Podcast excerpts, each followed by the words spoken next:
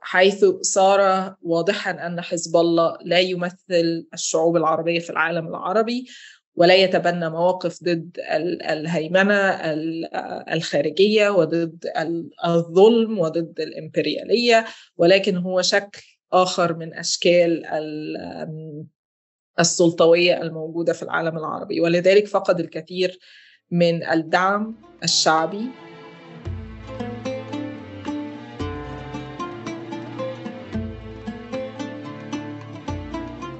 مرحبا بكم في الحلقة الخامسة من الموسم الثاني من بودكاست طيب غين هو بودكاست معني بمناقشة الدراسات الصادرة في مجالات العلوم الاجتماعية والإنسانية. وحلقة اليوم هي من تقديمي أنا ماجد الخنين باحث مستقل وطالب دراسات عليا في كلية الدراسات الاستشراقية والإفريقية بجامعة لندن من المملكة العربية السعودية. في كل حلقة من غين سنناقش كتابا في العلوم الاجتماعية والإنسانيات لمؤلف أو مؤلفة من المنطقة العربية أو كتابا عن المنطقة من مؤلفين من خارجها وذلك عبر حوار مطول بين المؤلفة أو المؤلف وبين المقدم أو مقدمة الحلقة. سنتحدث في بداية كل حلقة قليلا عن المسيرة أو الخلفية الفكرية للمؤلف ثم ننتقل بعد ذلك لمناقشة الكتاب وأهم الأفكار والإسهامات الرئيسية التي وردت فيه. حلقات الموسم الثاني من غين تأتيكم بالشراكة مع الشبكة العربية للعلوم السياسية وهي مبادرة غير ربحية تهدف لدعم البحث العلمي والتدريس الأكاديمي في مجال العلوم السياسية في المنطقة العربية.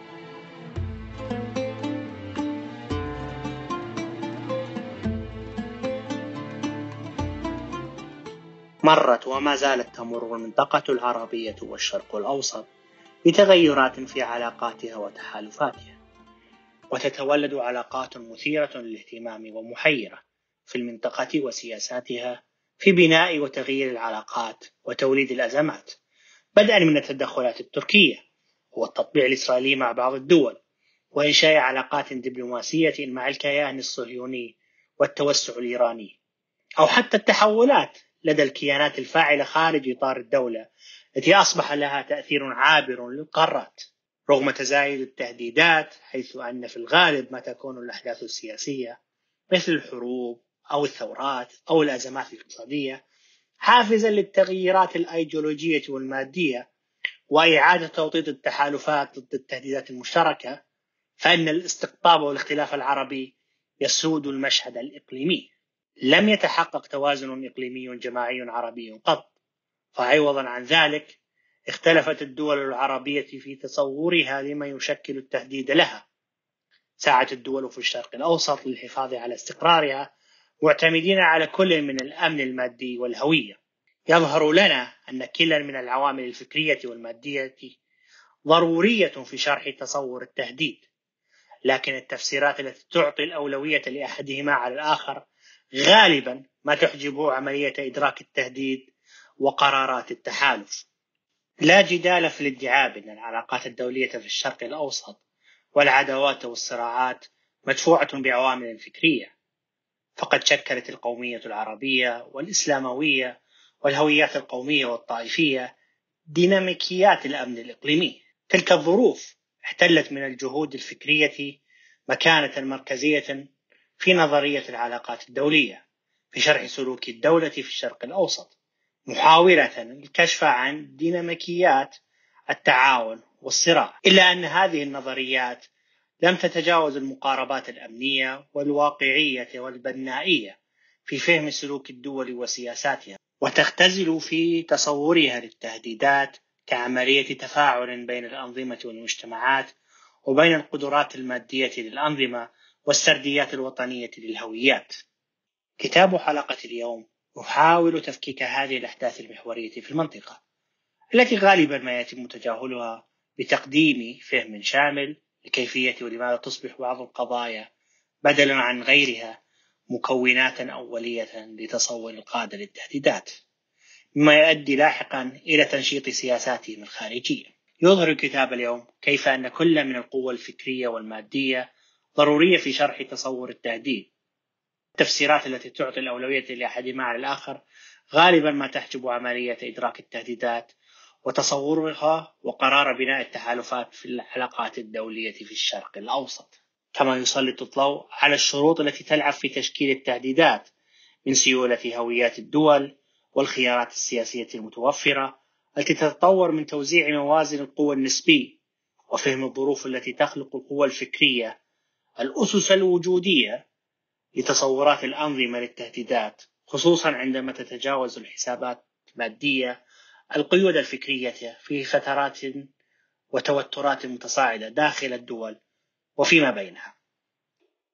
في هذه الحلقة سنناقش كتابا عن الكيفية التي تتشكل من خلالها تصورات حول تهديدات بعض الدول إلى تقرير التحالفات مع قوى معينة ببحثه بعض الحالات التاريخية ولكن أيضا بعض الحالات الحديثة في المنطقة كما يبحث الكتاب كيفية تأثير الهوية والقوة في تشكيل تصورات عن التهديد وكيف تتغير عمليات تشكل هذه الهوية في رسم خيارات التحالف التي يتم اتخاذها بناء على التهديدات وتفاعل الجهات الفاعلة وتطور أدوارها في المنطقة. نطرح أسئلة لفهم الميكانيزميات والديناميكيات التي تشكل استراتيجية السياسة الخارجية. منها كيف ترى الدول التهديدات؟ وما هي مصادرها ودوافعها؟ هل هي أيديولوجية وفكرية أم مادية؟ متى تشعر الدول بعدم الأمان وجوديا؟ وكيف يمكن أن يؤدي انعدام الأمن الوجودي في النهاية إلى انعدام الأمن المادي؟ وما دور الأيديولوجيا والعوامل الفكرية في رسم التهديدات والتحالفات في المنطقة؟ كيف ولماذا تنظر الدول إلى الآخرين على أنهم تهديدات؟ وما هي العوامل التي تدفع عملية إدراك التهديد؟ والتي تظل من القضايا الجوهرية لعلماء العلاقات الدولية؟ وكيف تتجاوز الرؤى الطائفية التي تهيمن على تفسيرات الصراعات والتحالفات في المنطقة؟ كيف تشكل العوامل المادية والفكرية؟ تصور تهديدات النظام ومتى وكيف تتغلب مجموعة من التهديدات على الأخرى؟ وكيف من الممكن أن تقدم لنا حالة المنطقة العربية والشرق الأوسط الكبير إطارا تحليليا ينتج عنه أسئلة نظرية وتحليلية لدراسة تشكل وتصور التهديدات في العلاقات الدولية. كيف تتقاطع الهويات والمصالح المادية في اختيار التحالفات؟ لماذا؟ وتحت أي ظروف تهيمن القوى الفكرية على تصور تهديدات الأنظمة؟ ومتى تتغلب القوى المادية على القوى الفكرية في تصورها للتهديد؟ وكيف يقدم لنا مفهوم الأمن الوجودي؟ تفسير ظواهر السياسة والظواهر السياسية في العلاقات الدولية. كيف تشكل القوى الفكرية الأيديولوجية والمادية تصورات للتهديدات والعكس صحيح هل يمكن بناء إطار نظري تحليلي متنوع العناصر بالتعامل مع الألغاز في فهم طبيعة بناء العلاقات الدولية متجاوزين المقاربات الغربية وتصوراتها للأنظمة والدولة في الشرق الأوسط؟ هذه الأسئلة وغيرها هي ما سنناقشها في هذه الحلقة التي نستضيف فيها الدكتورة مي درويش أستاذة مشاركة بجامعة برمنغهام في المملكة المتحدة وكتابها التهديدات والتحالفات في الشرق الأوسط السياسات السعودية والسورية في منطقة مضطربة موضحة كيف يساهم إدراك التهديدات وخيارات التحالف في الشرق الأوسط في هذا المسعى التحليلي بالتركيز على خيارات التحالف والاختلاف السعودي السوري في سياق التطورات الإقليمية وترابط المصادر الخارجية والداخلية للأمن الوجودي. كما يسعى الكتاب لسد الفجوة والاشتباك بين دراسات الشرق الأوسط والعلاقات الدولية لإثراء كلا مجالي الدراسة بالإضافة إلى الموافقة والتحدي في نفس الوقت. ثلاث نظريات مهيمنة في العلاقات الدولية وهي الواقعية الجديدة والبنائية ومقاربات أمن النظام.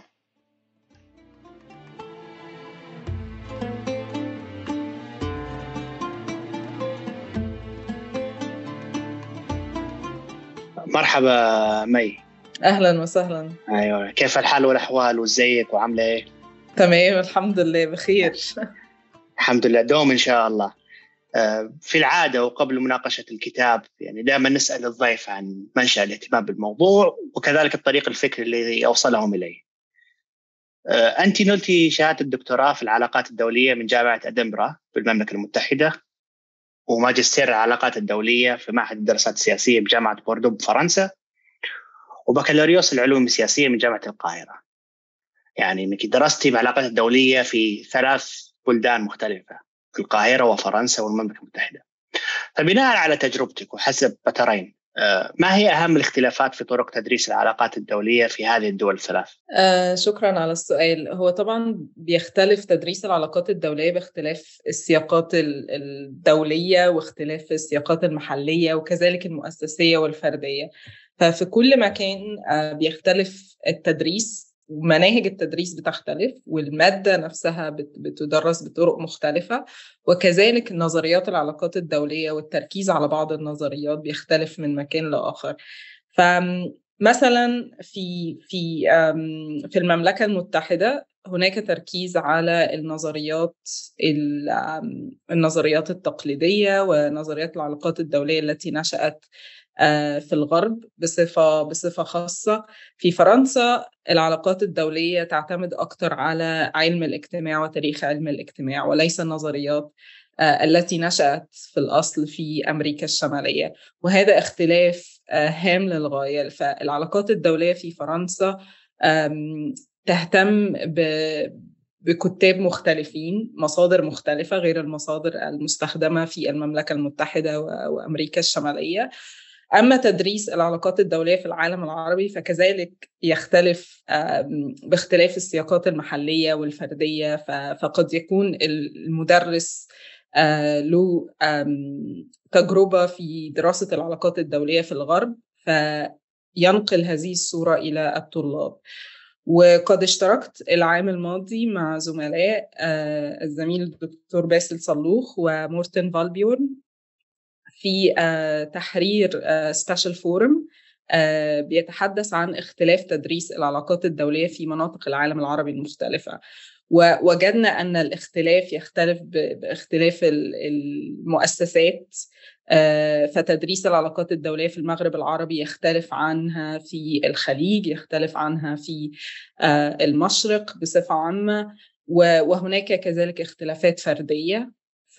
فهناك المدرسين الذين درسوا في أمريكا الشمالية ينقلون العلاقات الدولية بنفس الصورة ولكن هناك من درس في مناطق أخرى ينقلها بنفس الصورة التي درسها.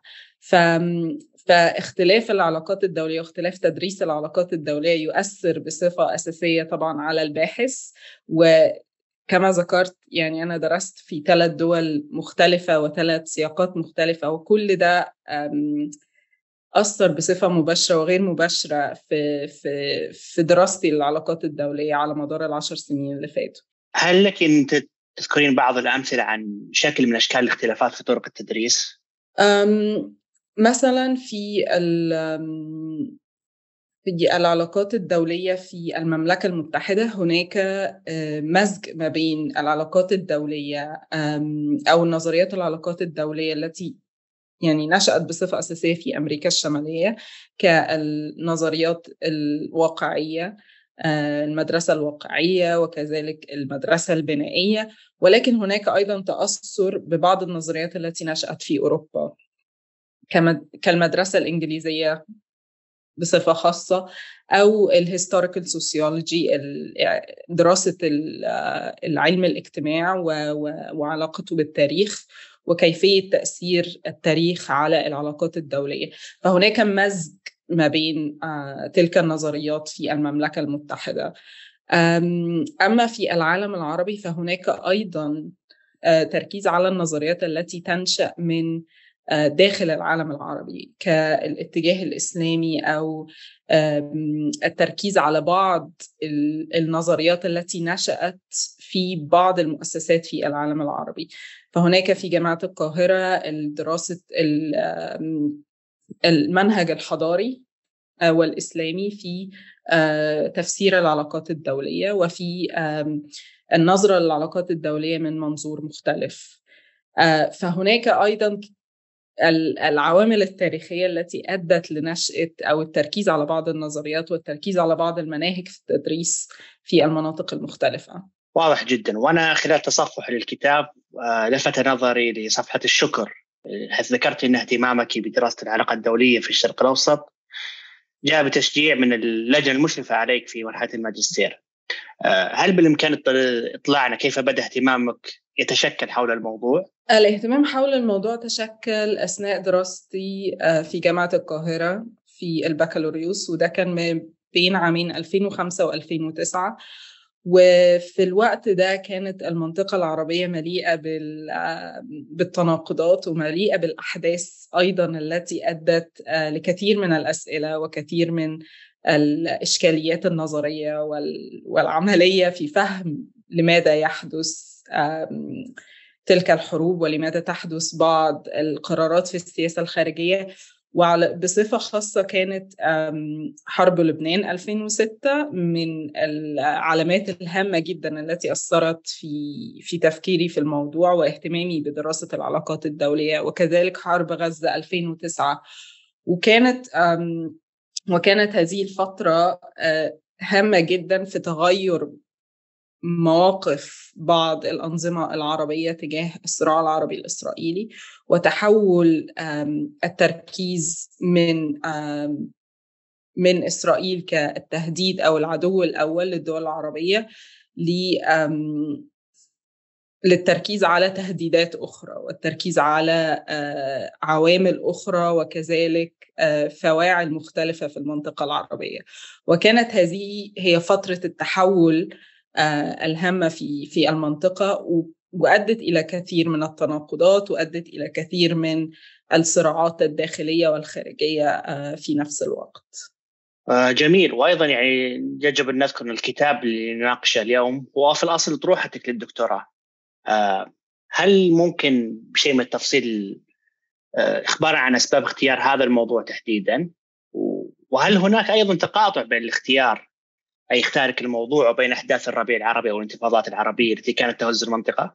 هو الحقيقة أنا بدأت التركيز على الموضوع ده قبل الربيع العربي في 2011 وكان يعني كانت الأحداث الأساسية التي أدت إلى الاهتمام بالموضوع هي حرب لبنان 2006 وفي الوقت ده أنا كنت طالبة بكالوريوس في جامعة القاهرة.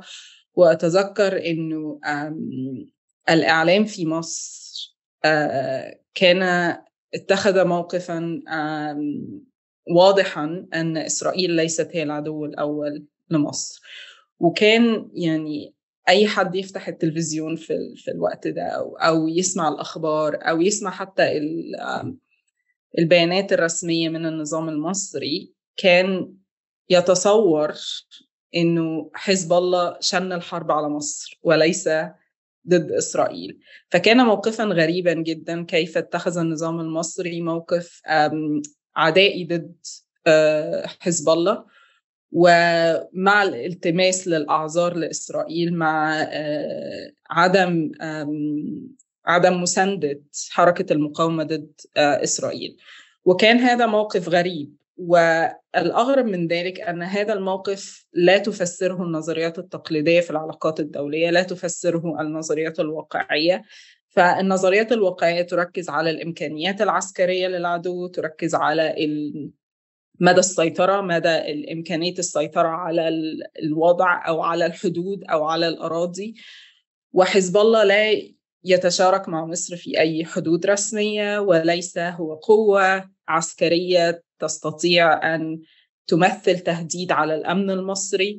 آه، على العكس فإسرائيل هي دولة لها جيش قوي ولها إمكانيات عسكرية قد تهدد آه، الأمن المصري. ومع ذلك فكان تصور النظام المصري أن إسرائيل هي ليست هي العدو الأول وإنما حزب الله هو العدو الأساسي الذي يهدد الأمن والاستقرار في مصر. وهذا موقف مناقض لكل النظريات الواقعية في العلاقات الدولية. ومن هنا بدأت أتساءل كيفية فهم ما هو التهديد؟ وكيف كيف تستطيع الدول أو كيف تصل الدولة إلى تحديد ما هو المصدر الرئيسي للتهديد في العلاقات الدولية؟ ممتاز يعني. هذه فاتحة للانتقال للقسم الآخر اللي سنناقش فيه الإطار العام للكتاب وسنتناول الفصول بشيء من التفصيل. طبعا الكتاب مقسم لست فصول ففي لكن قبل هذا أيضا أبغى أركز على أسئلة يتناولها الكتاب. فالكتاب يتناول سؤالين آه، مهمين. وهو كيف تشكل القوى المادية والفكرية تصورات الحكومات عن التهديدات ومتى تتغلب القوى الفكرية على القوى المادية والعكس في هذه العملية لكن أنا قبل مناقشة الإجابة التي يقدمها الكتاب على هذه الأسئلة آه، وش تقصدين بتصورات التهديدات أو القوى المادية والفكرية بشكل عام وما أهمية دراسة التهديدات ودور القوى المادية والفكرية في تشكلها على فهم التحالفات السياسية بين الدول. تمام إحنا لو بدأنا على مفهوم إدراك التهديد أو تصور التهديد. هو تصور يعني هو مفهوم في العلاقات الدولية قائم على أن الدول تستخدم القوى العسكرية وتسعى إلى زيادة قوتها العسكرية وزيادة أمنها. آه، في مواجهة التهديدات الموجودة في النظام الدولي. وقد تكون تلك التهديدات قادمة من من دول مجاورة. أو من دول أخرى أو من فواعل أخرى في النظام الدولي والهدف هو زيادة الأمن إلى أقصى درجة.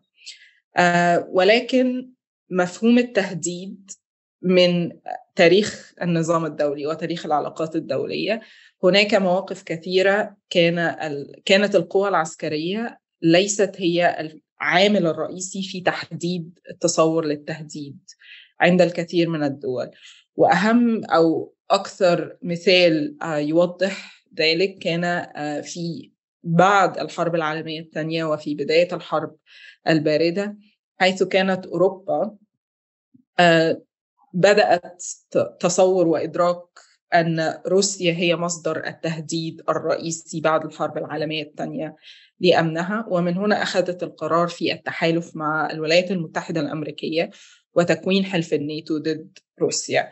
ولكن بالنظر إلى القوى العسكرية في ذلك الوقت فإن أمريكا كانت هي القوى العسكرية الأساسية في النظام الدولي وليست روسيا. ومن هنا يطرح السؤال كيف لأوروبا رؤية أن الولايات المتحدة تمتلك أكبر قوة عسكرية ومع ذلك ليست هي المصدر الأساسي للتهديد. فمفهوم تصور التهديد أو إتراك التهديد ليس بالضرورة قائما على القوات العسكرية أو الإمكانيات العسكرية ولكن أيضا هناك عوامل أخرى آه، يجب أخذها في الاعتبار وهي العوامل الفكرية. قد تكون الهوية الهوية المشتركة أو الهوية المطروحة فروسيا كانت لها مبادئ وهوية تختلف عن الهوية الأوروبية. وكانت أوروبا تدرك أن الولايات المتحدة الأمريكية تشاركها بعض المبادئ وبعض العوامل في الهوية التي أدت في النهاية إلى هذا التحالف. فهناك عوامل فكرية وهناك عوامل عسكرية تؤدي إلى تصور للتهديد وإدراك التهديد وبعد إدراك هذا التهديد يأتي القرار إلى التحالف. فكيف تختار الدول أعدائها وأصدقائها في النظام الدولي. ممتاز. وكما ذكرنا يعني إنه الفصل مقسم لست فصول. الفصلان الأول والثاني هم فصلين نظريين. الأول عبارة عن استعراض للنقاشات النظرية حول موضوع تصور التهديدات.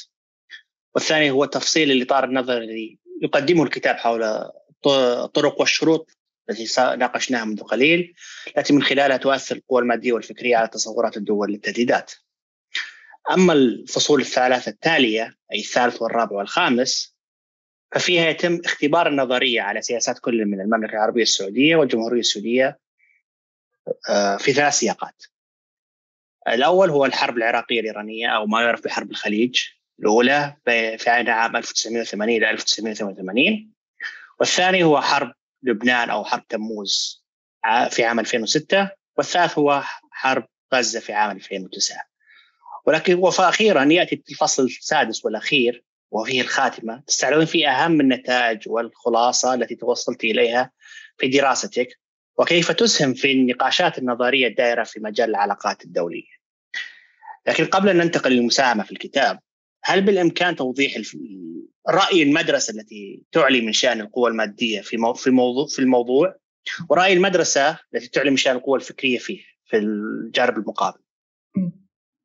تمام. هو هو الكتاب كان محاولة للمزج ما بين هذه المدرستين أو التوفيق بين بعض المبادئ الموجودة في المدرسة الواقعية وبعض المبادئ الموجودة في المدرسة البنائية التي تعتمد بالضرورة على الأفكار والهوية في تفسير العلاقات الدولية.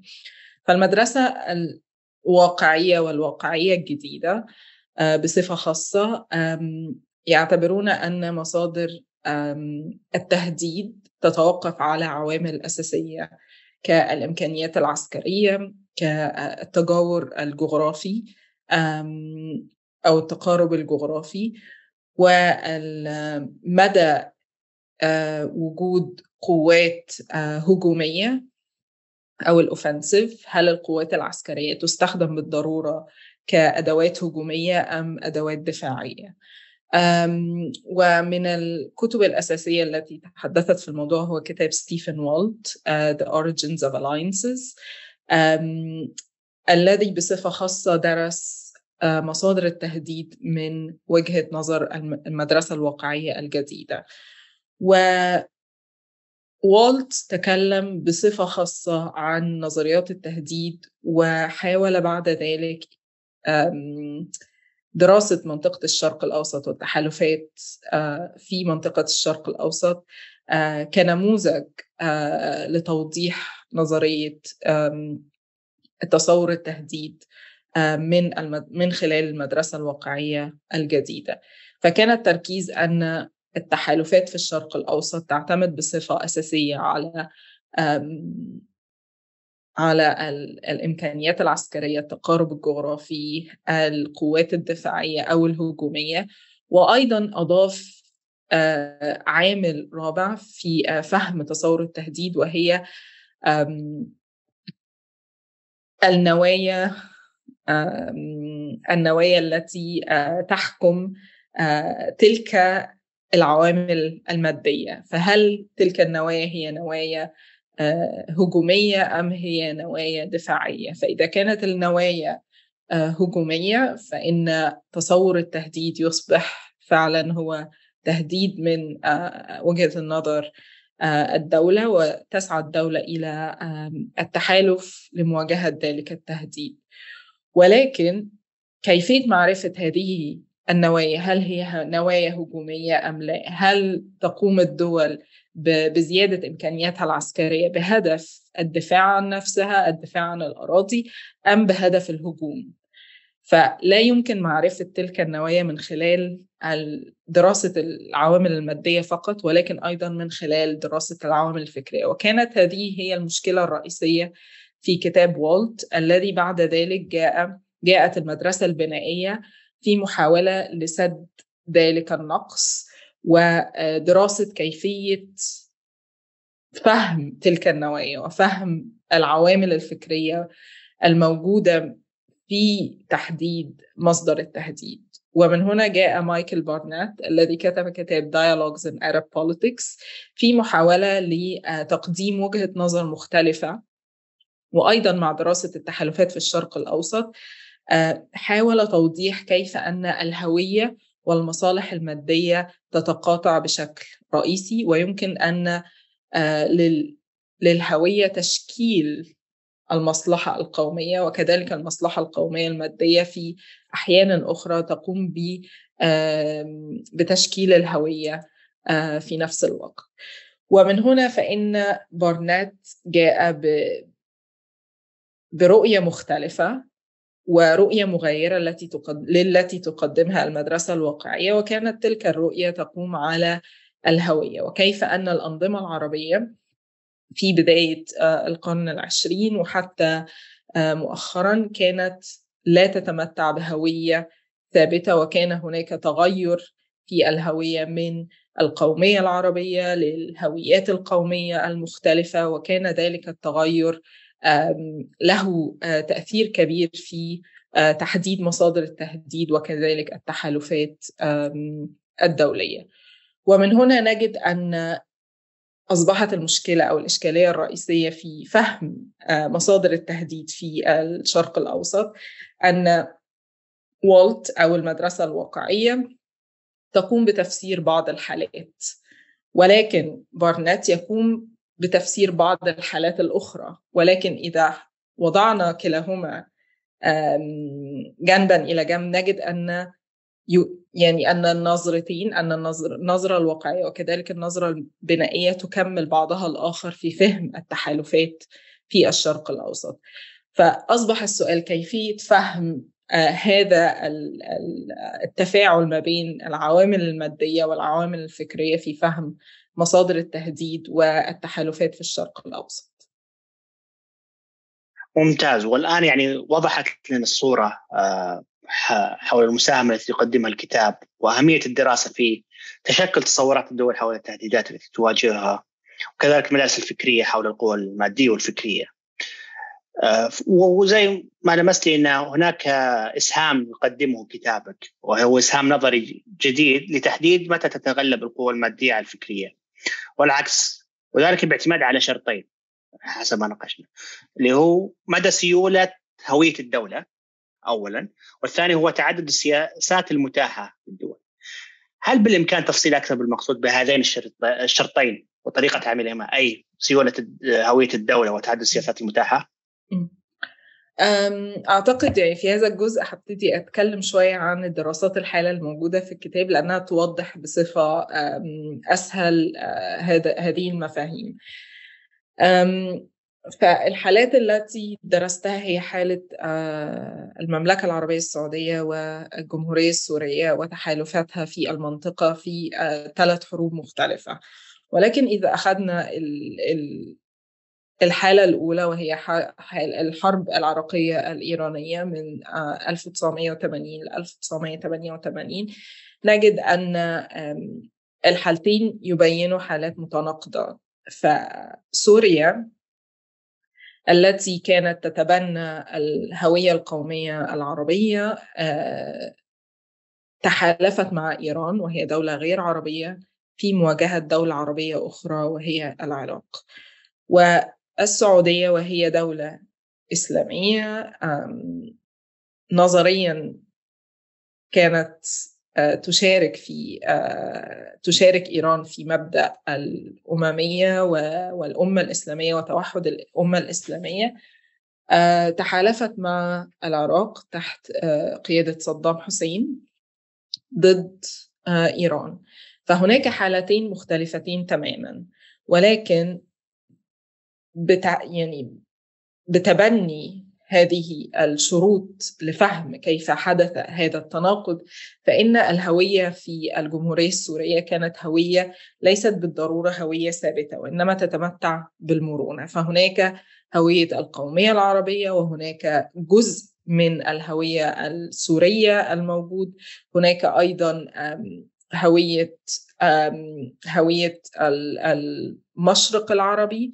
التي كانت تتمتع بها سوريا وكان يمكن للنظام السوري في ذلك الوقت تغيير أو الانتقال ليس الانتقال ما بين تلك الهويات. ولكن على صعيد القوة المادية فإن سوريا كانت في في موقف في غاية الصعوبة. فكان ذلك في 1979 كانت العراق أصبحت قوة عسكرية في الأربع أعوام من 1975 ل 1979 القوى العسكرية العراقية زادت الضعف.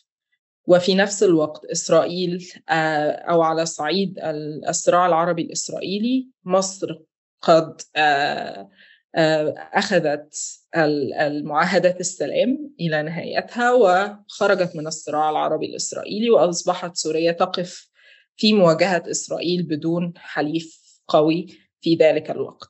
فكانت سوريا ليس لها أي اختيارات في كيفية مواجهة إسرائيل. فكان الاختيار الأول والأوحد هو التحالف مع قوة عسكرية في المنطقة قد تستطيع أن تساندها ضد حربها في إسرائيل. فكانت ليس هناك أي نوع من أنواع الاختيارات المتعددة التي كان يمكن أن تختار فكان هو اختيارا واحدا. وأما على صعيد الهوية فكان هناك مرونة إلى حد ما تمكن النظام السوري من ذلك الوقت من اختيار الحليف بناء على العوامل المادية وبعد ذلك تغيير أو محاولة لتغيير الهوية بشكل أو على المدى الطويل وهذا ما حدث في سوريا. فكانت سوريا قد تحالفت مع إيران واستطاعت على مدار العقود التي تلت تحديد الهوية السورية منفصلة عن الهوية القومية العربية التي كانت تتبناها قبل ذلك. أما إذا انتقلنا إلى الحالة السعودية فإن السعودية كانت في موقف مختلف. السعودية لم تكن في حرب مباشرة مع إسرائيل فلم يكن لم تكن مهددة عسكريا. آه، فإن العوامل المادية لم تكن في غاية الصعوبة كما هو كان الحال في الحالة السورية. أما على صعيد الهوية فإن الهوية القومية السعودية لم لم تكن تتشكل في ذلك الوقت وكان الاعتماد على الدين والإسلام كعامل رئيسي في تشكيل الهوية السعودية. وكان ذلك آه، هو سبب الثبات وعدم المرونة في الهوية. فلم يكن هناك مصادر أخرى للهوية السعودية. على مدار العقود المضت تغير هذا الثبات وذلك يعني وأصبحت الهوية السعودية تستمد بعض المرونة من آه، مصادر أخرى ولكن في عام 1979 كان الوضع مختلفا. وفي نفس الوقت كانت إيران تتبنى خطابا اسلاميا تقول فيه أن المسلمين أمة واحدة ولابد من التوحد آه، ضد الإمبريالية وأعداء الإمبريالية وكذلك حلفاء حلفائها في المنطقة. وكان ذلك سبب لتهديد المملكة السعودية فكيف المملكة السعودية في ذلك الوقت تحديد هوية مختلفة عن تلك التي تتبناها إيران فكانت هناك تهديد لذلك لتلك الهوية و وتهديد للمملكة السعودية كيف أنها تختلف عن النماذج الإسلامية الأخرى الموجودة في المنطقة. فكانت النتيجة أن تحالفت المملكة السعودية مع العراق ضد إيران وكان ذلك التحالف ليس تحالفا قائما على العوامل المادية ولكن كان قائما على العوامل الفكرية. جميل جدا وقبل الاستفاضة في الفترات الزمنية الأخرى نريد أن نناقش بعض الأسئلة في فصول الكتاب تحديدا في الفصل الثاني حيث أنك ذكرت تفريقا تحليليا بين مفهوم النظام ومفهوم الدولة في جهة. جرت العادة يعني عادة في الخطاب العربي المعاصر على تحميل مصطلح النظام بحمولة معيارية تهدف لتجريد الحكومة من شرعيتها. يعني على سبيل المثال إذا وصفت الحكومة السورية بالنظام السوري أو الحكومة التونسية بالنظام التونسي فأنا هنا أريد أن أجردها من شرعيتها لكن أنت في الفصل الثاني تحاولين تجاوز هذا الاستخدام المعياري وتحاولين تقديم تفريق تحليلي بين النظام والدولة هل بالإمكان أن تحدثينا قليلا عن هذا التفريق التحليلي؟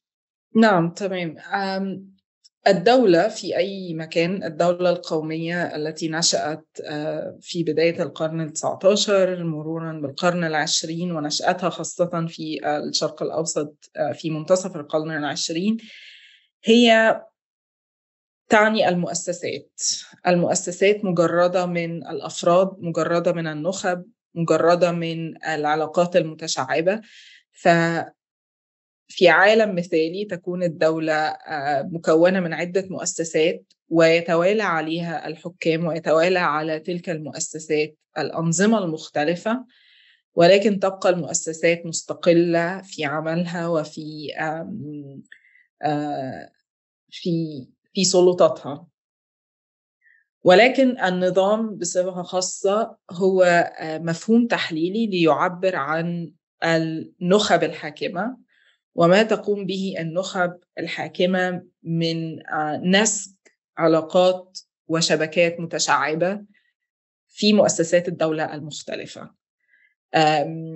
وهذا المفهوم التحليلي يرتبط ارتباطا وثيقا بتاريخ نشأة الدولة في العالم العربي. فالدولة نشأت في العالم العربي في منتصف القرن العشرين كنتيجة لحركات الاستقلال ضد الاستعمار.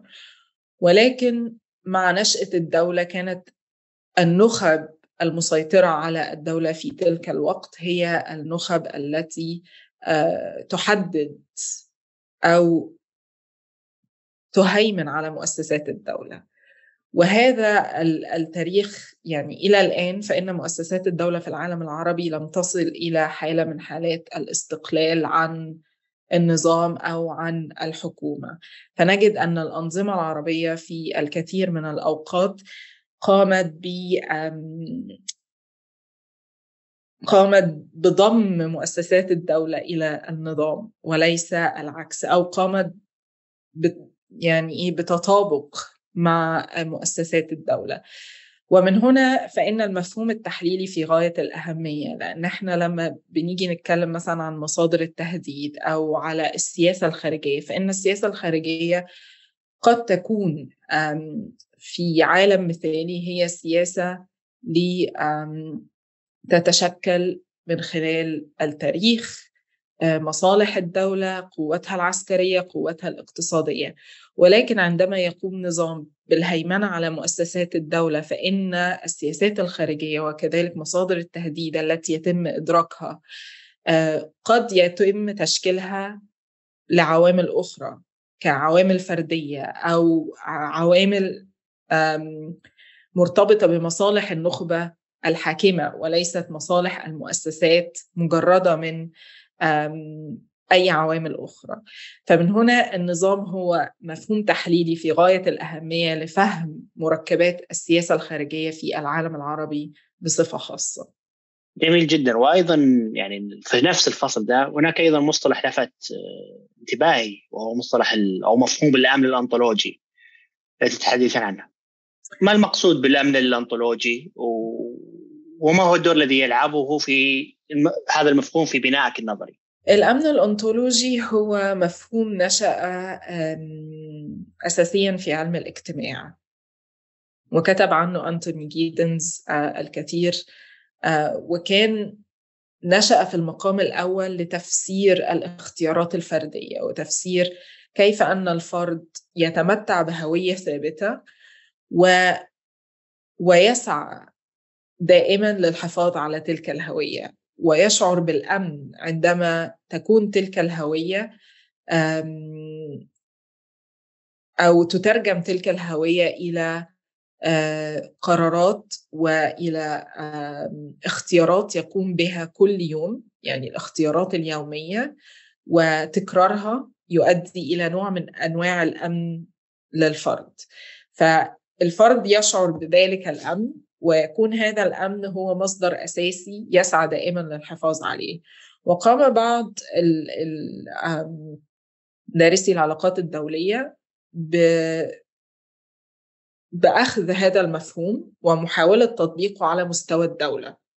فكما يقوم الفرد بمحاولة الحفاظ على الهوية ومحاوله آه، محاولة الحفاظ على ما يميزه كفرد في مجتمع لتفسير كيف تقوم الدولة في بعض الأحيان بسياسات واختيارات محددة للحفاظ على ما يميزها في المجتمع الدولي وما يحدد هويتها في المجتمع الدولي. ومن هنا فإن الأمن الأنطولوجي هو أمن ليس أمن مادي ولكن أمن فكري. كيف تقوم الدولة في المحافظة على واجهة الدولة في المجتمع الدولي؟ كيف المحافظة على الهوية وما يحددها وما يجعلها تختلف عن الدول الأخرى أو ما يميزها عن الدول الأخرى. وهناك أمثلة كثيرة تبين كيف أن الدول في بعض الأحيان تتخذ قرارات ليس لعوامل مادية ولكن لعوامل تتعلق بالهوية تتعلق بالأمن الأنطولوجي وفي في الكتاب استخدمت هذا المصطلح بصفة خاصة لتفسير السياسة الخارجية للمملكة العربية السعودية خاصة تجاه إيران وكذلك بعد ذلك خاصة تجاه الحركات الإسلامية المختلفة في المنطقة. واضح جدا.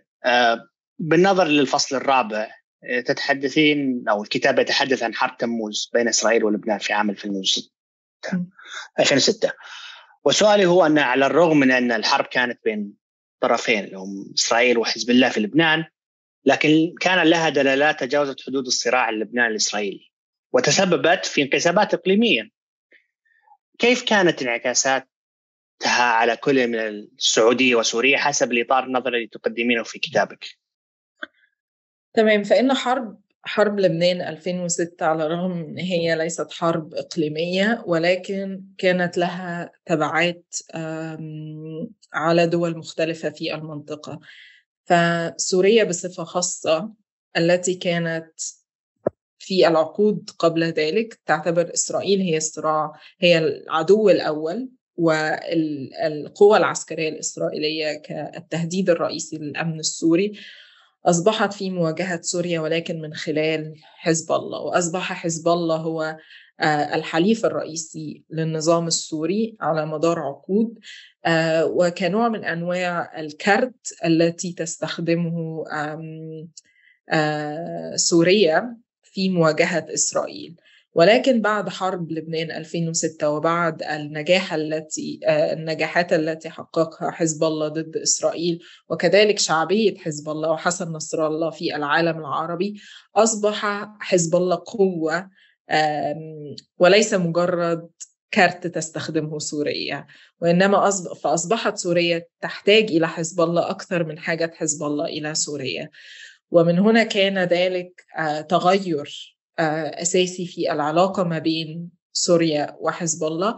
وكذلك تغير في الخطاب الإقليمي السوري في آه، مواجهة العدو الإسرائيلي مع إمكانية حشد العالم العربي مرة أخرى في مواجهة آه، إسرائيل. أما بالنسبة للسعودية فكان ذلك موقفا مختلفا. ففي حرب لبنان 2006 كما حدث في مصر تم اعتبار حزب الله هو العدو الرئيسي لأمن واستقرار المنطقة وأن حزب الله قام باتخاذ سياسات غير محسوبة قد تهدد استقرار المنطقة بالكامل. وأصبحت السعودية في مواجهة هذا التناقض. كيف للسعودية؟ وهي نظام لعقود تبنى القضية الفلسطينية والصراع العربي الإسرائيلي يقوم بإدانة حركة مقاومة في مواجهتها لإسرائيل وكذلك كيف يمكن لدولة إسلامية تتبنى ذلك الموقف ضد حركة مقاومة إسلامية أخرى في المنطقة. وكان ذلك في السعودية هو المرحلة الأخرى بعد حرب إيران آه، في محاولة للنظام السعودي آه، لصياغة هوية قومية مختلفة عن الإسلام أو مرتبطة بالسعودية ومحاولة إيجاد ما يميزها عن باقي حركات الإسلام السياسي الموجودة في العالم العربي.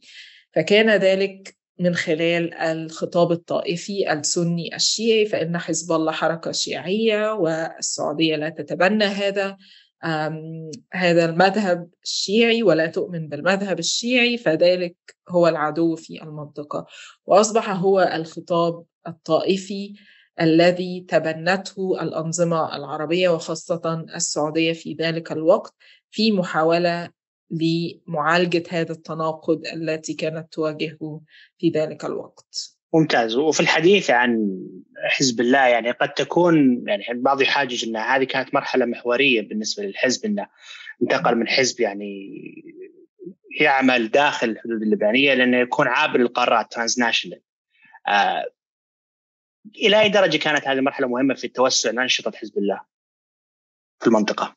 نعم حزب الله في الوقت ده لم يعد هو حزب سياسي موجود داخل لبنان ولكن أصبح رمز رمز للمقاومة ورمز أيضا لكيفية أن الشعوب العربية في ذلك الوقت رأت أنها لا تتطابق رؤيتها للمشاكل في المنطقة مع رؤية الأنظمة الرسمية. وكان حزب الله هو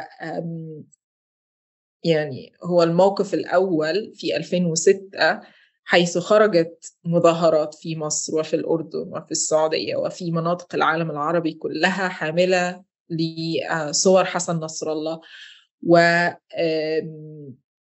تدين مواقف الأنظمة العربية للمرة الأولى.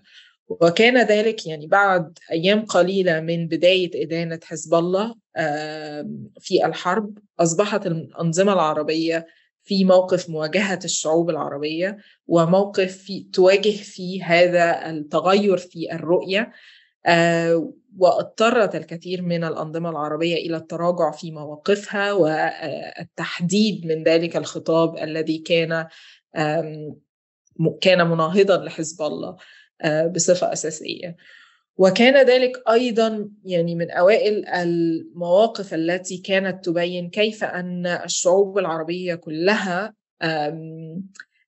كانت في حالة من التحالف مع بعضها وكان هناك نوع من أنواع الموقف الموحد ضد الأنظمة العربية وذلك تبلور بعد ذلك في 2009 في حرب غزة وتبلور أكثر في 2011 ولكن كان هذا هو الموقف الأول كيف أن الشعوب العربية تتبنى رؤى مختلفة وترى الأمور بطريقة مختلفة عن الأنظمة العربية رغم آه، قوة الخطاب النظام الأنظمة الرسمية في في تبني المواقف الشيعية في ذلك المناهضة للشيعة في ذلك الوقت.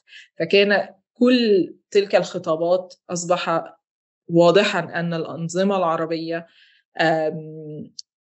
لا تمتلك الهيمنة على الشعوب العربية في ذلك الوقت. ذكرتي عام 2011 وهذا يذكرنا بتدخل حزب الله في الثورة السورية ودعم نظام الأسد وهذا أكيد حدث تغيرات على تصورات وتشكل تعهد الحزب الله فكيف تغيرت هذه الصورة لحزب الله بعد الثورة السورية ودعم نظام الأسد؟ طبعا يعني إحنا الفترة اللي أنا بتكلم فيها على حزب الله وكيف أن حزب الله استطاع أن هو يعني يخلق نوع من أنواع الزخم في العالم العربي توقف ذلك تماما بعد 2012 وخاصة 2013 آه، حيث صار واضحا أن حزب الله لا يمثل الشعوب العربية في العالم العربي ولا يتبنى مواقف ضد الهيمنة الخارجية وضد الظلم وضد الإمبريالية ولكن هو شكل آخر من أشكال السلطوية الموجودة في العالم العربي ولذلك فقد الكثير من الدعم الشعبي آه، في العالم العربي كان ذلك يعني آه، متوقع أن يحدث بعد الحرب السورية آه، وكيفية انقسام العالم العربي حول هذه الحرب الإقليمية. والعودة ل 2006 يعني الفترة التي درست درستيها يعني ما كانت الأدوات الإعلامية أو الاستراتيجيات التي استخدمها الحزب في عام 2006 لبناء هذه الصورة حولك يعني كمقاومة. هل كان يستخدم الإنترنت؟ كان يستخدم القنوات الفضائية؟ ما هي الأدوات اللي كان يستخدمها؟ طبعا اهم أهم وسيلة تم استخدامها كانت الخطابات النارية التي قام بها حسن نصر الله والتي أبهرت الكثير في العالم العربي وكان ذلك يعني كانت تذاع اساسيا في التلفزيون. وكان التلفزيون هو ال ال يعني ال medium الرئيسي في العالم العربي في ذلك الوقت. أصبح يعني نحن الآن نتحدث عن ال social media نتحدث عن آه الإنترنت ولكن في 2006 كان التلفزيون هو ال ال الأداة الرئيسية للنظام أو للمقاومة آه للتوصيل الأفكار الرئيسية والأجندات الرئيسية في ذلك الوقت.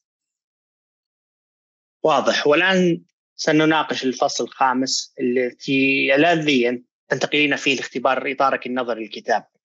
في سياق حدث آخر ومهم وهو الحرب التي شنتها إسرائيل على غزة في عام 2009 فكيف كانت سياسات السعودية وسوريا يبان ذيك الفترة وكيف تفسر نظرية هذه السياسات؟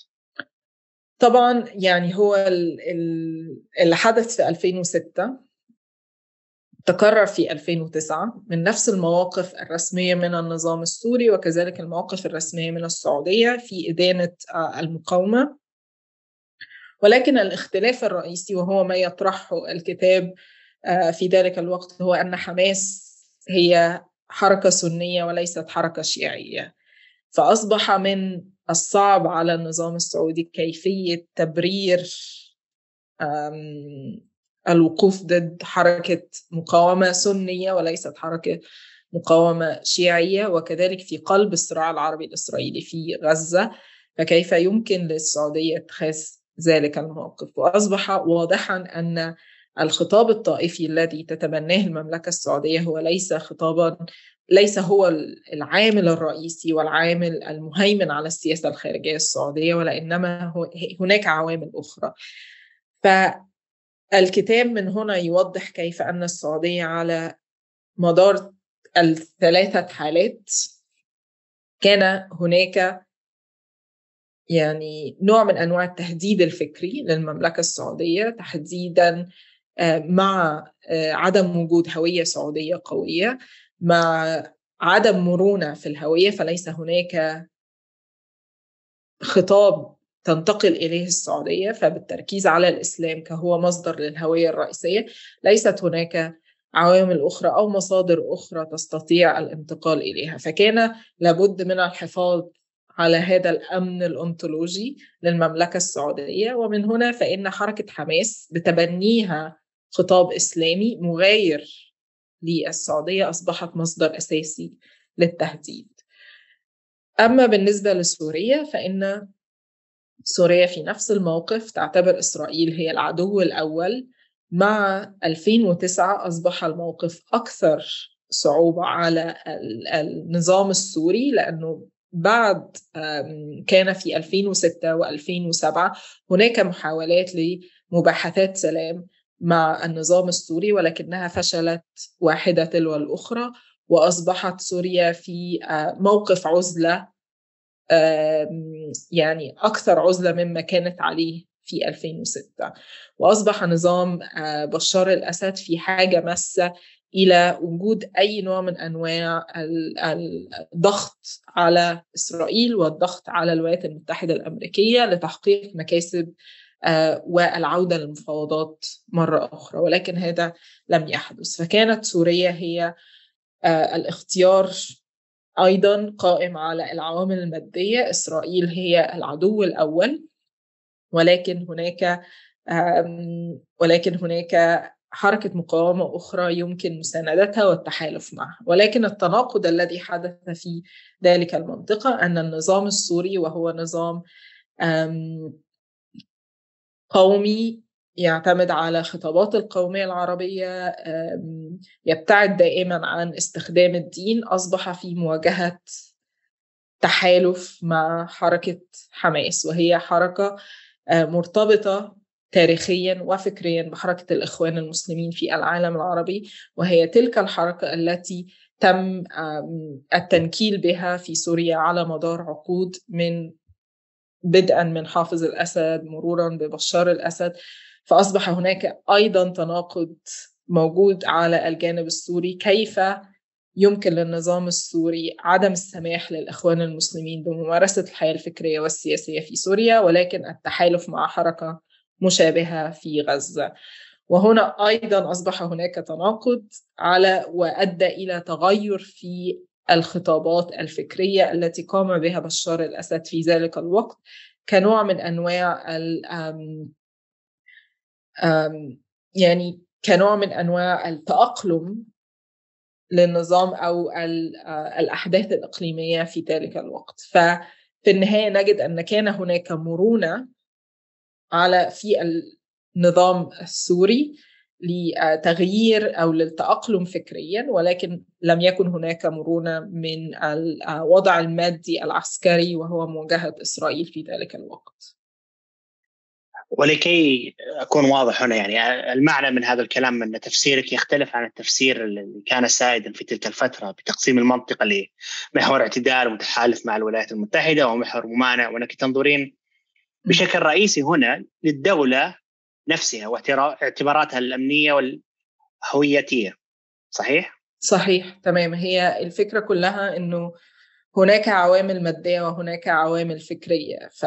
واختيار السعودية وسوريا كحالات هي حالات قصوى بمعنى أنه في في. في الثلاثة حروب في الحرب العراقية الإيرانية وحرب لبنان 2006 وحرب غزة 2009 كانت دائما السعودية تختار تحالفاتها بناء على مصادر التهديد الفكرية أما سوريا فكانت العكس فكان دائما مصادر التهديد هي مصادر مادية وليست مصادر فكرية. فتلك الحالتين هي حالات قصوى. هناك دول أخرى في المنطقة نجد أن هناك اختلاف على حسب العوامل الفكرية والعوامل المادية. فالكتاب هو يوضح هذه الفكرة من أختي... من خلال اختيارات تلك الحالات القصوى لتوضيح هذا التفاعل. جميل جدا أيضا في نفس الفصل تشيرين أيضا لمقاربة تطرح إمكانية لفهم أفضل وطريقا ثالثا لفهم المساله الطائفيه في العالم العربي. بالمقارنة بين المقاربة الحتمية أو الجوهرانيه اللي ال primordial approach والأداتية اللي هي ال instrumental approach هل ممكن تناول هذه المسألة بمزيد من التفصيل؟ تمام. هو من خلال دراسة السياسة الخارجية السعودية تبين أن الخطاب الطائفي هو خطاب تبنته المملكة السعودية بعد الثورة الإيرانية بعد 1979 ولم يكن هذا الخطاب موجودا قبل ذلك ولم يكن هناك الخطاب الطائفي موجود أو متبنى من خلال العلماء في السعودية أو من خلال النظام. أو من خلال أي من الأنظمة الموجودة في العالم العربي.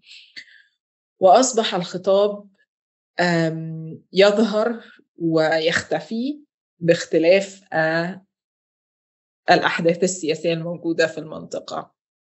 فظهر في أيام الحرب العراقية الإيرانية واختفى ولكن عاد يظهر مرة أخرى في حرب لبنان 2006 وظهر أكثر في حرب العراق 2003 وأصبح واضحا أن الخطاب الطائفي هو خطاب تتبناه الأنظمة وليس خطابا شعبيا لم يظهر من المجتمعات ثم تبنته الأنظمة ولكن العكس ظهر على النظام الرسمي.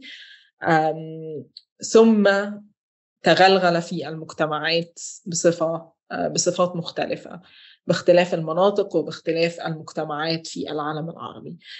فكان ذلك هو السؤال الرئيسي لماذا تبنت السعودية هذا الخطاب الطائفي في 1979 وكان كانت يعني الأدبيات الموجودة توضح أن اختارت السعودية مصدر التهديد إيران بناء على ذلك الاختلاف الطائفي.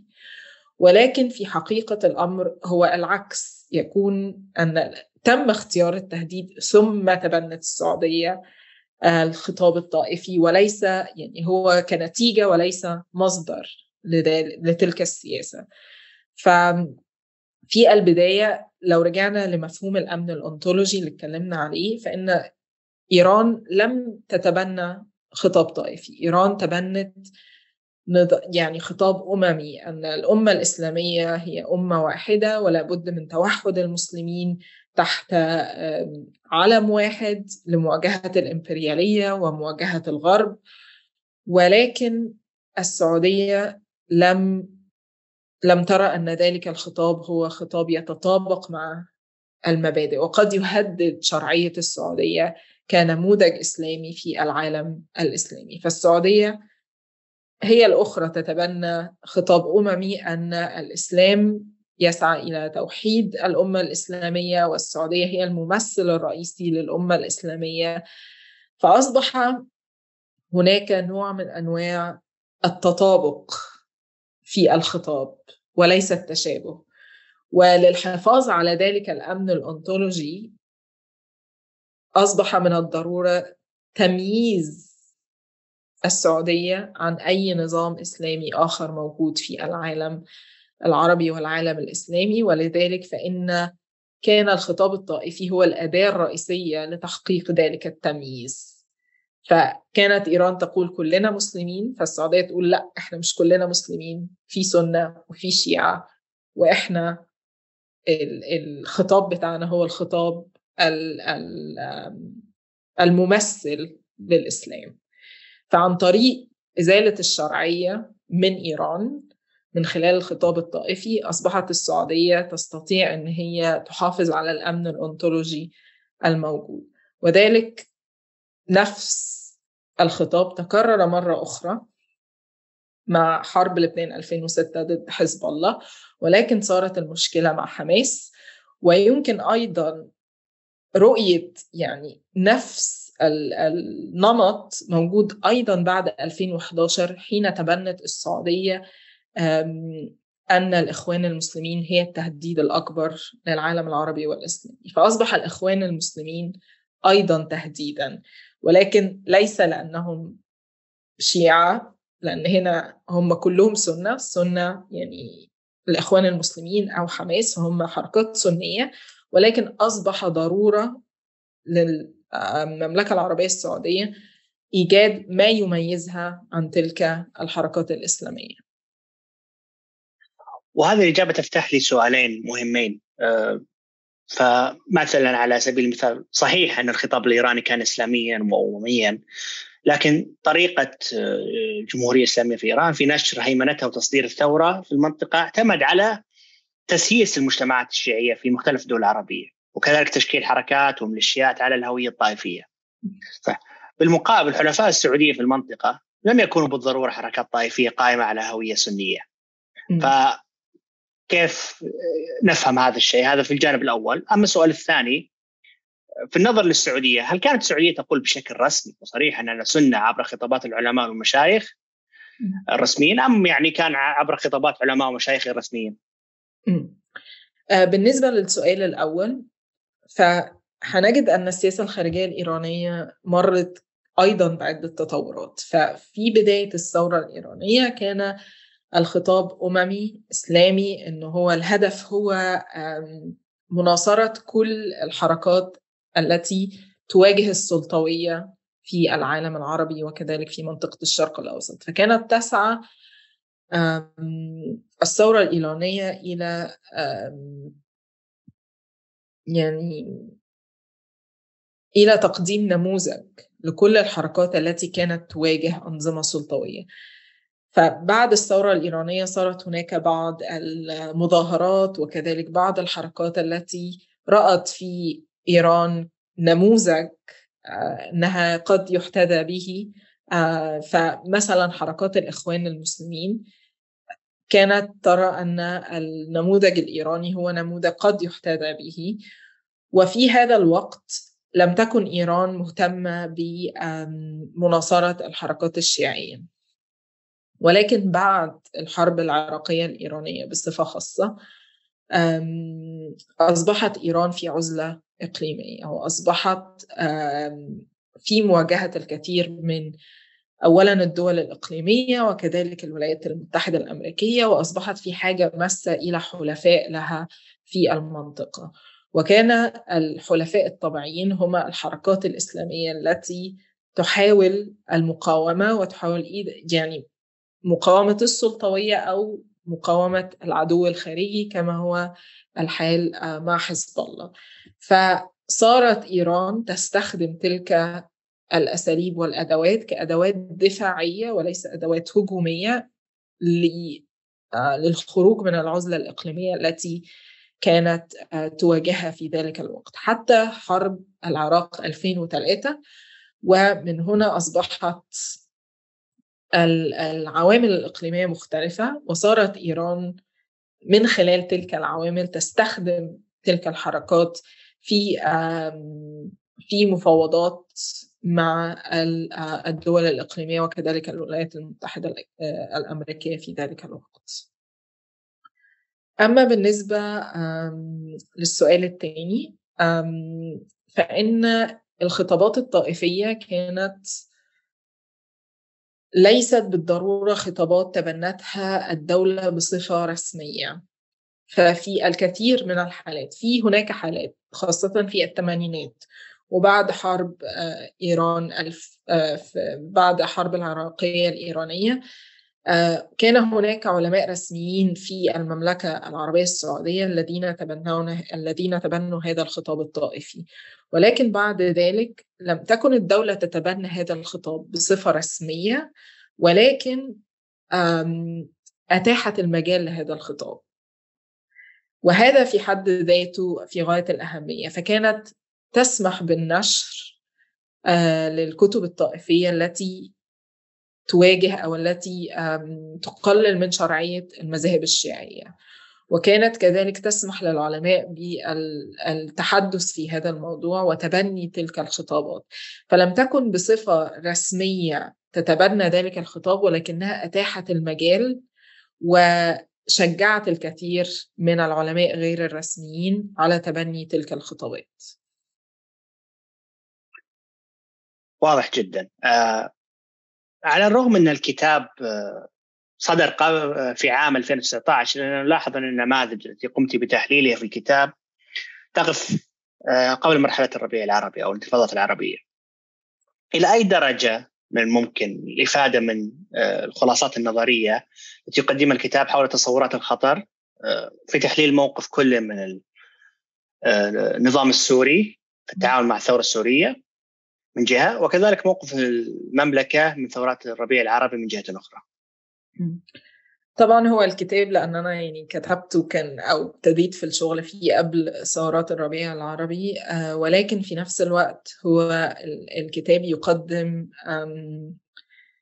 يعني رؤية نظرية لتصور التهديد. فيمكن استخدام هذا التصور لفهم تحالفات مختلفة في المنطقة ولكن أيضا هو التصور النظري لا يعني لا يشرح يعني ما بيشرحش كل حاجة في المنطقة ولا يفسر كل النظريات ولا يفسر كل حالات التحالفات وتصور التهديد في المنطقة ولكنه يركز على أسئلة محددة وهي أسئلة العوامل المادية والفكرية.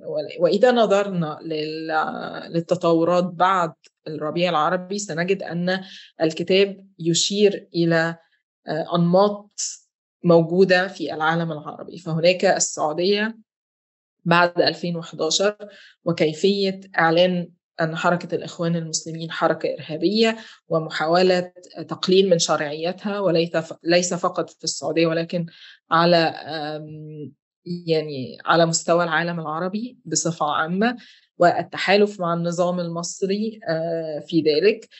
وكذلك هناك أيضا تفسير لتحالفات أخرى تمت في المنطقة وكذلك سياسات خارجية أخرى كالسياسات الخارجية المملكة الأردنية التي أيضا كانت مليئة بالتناقضات فيما يتعلق بالعوامل الفكرية والعوامل المادية وكيف أن النظام الأردني كان يريد إيجاد حل مع إسرائيل في محاولة الخروج من الصراع بصفة بصفة نهائية ولكن كان في مواجهة عدم مرونة في مسألة الهوية أدت لكثير من المباحثات وكثير من المقاومة على المستوى الشعبي لذلك. فإن الهوية الأردنية كذلك في غاية الثبات وعدم المرونة بسبب وجود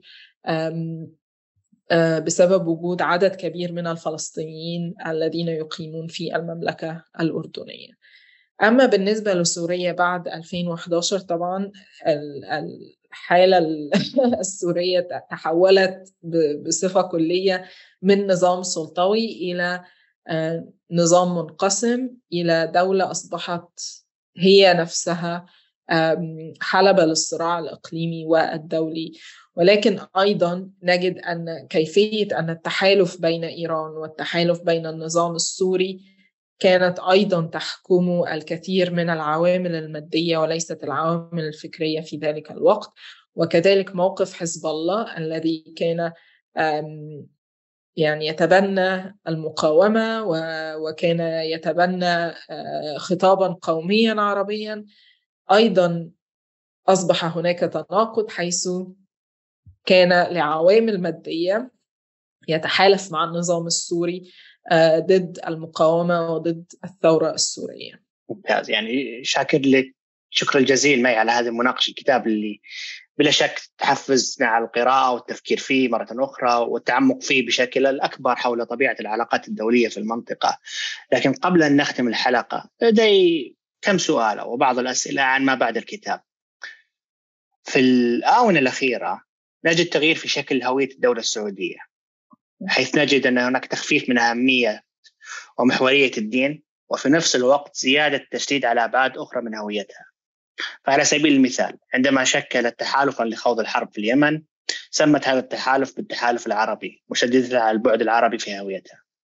وفي حالات أخرى نجد التشدد على الهوية الوطنية السعودية. هل تطرح هذه السيولة في الهوية التي أبدتها سياسات السعودية في الآونة الأخيرة؟ تحديا للبناء النظري للكتاب أم أنه بإمكان تفسيرها من خلاله؟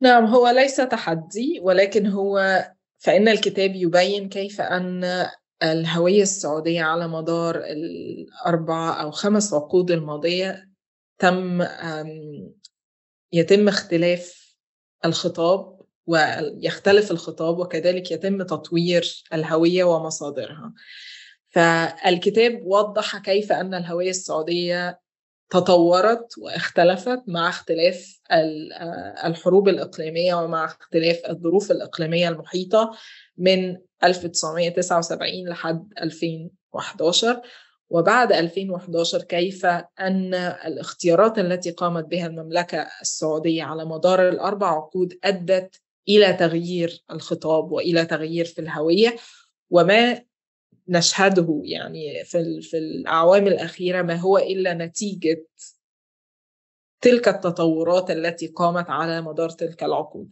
فتغيير الهوية بصفة خاصة وخاصة الهويات القومية والوطنية لا يحدث سريعا وإنما يأخذ وقتا طويلا في التغير.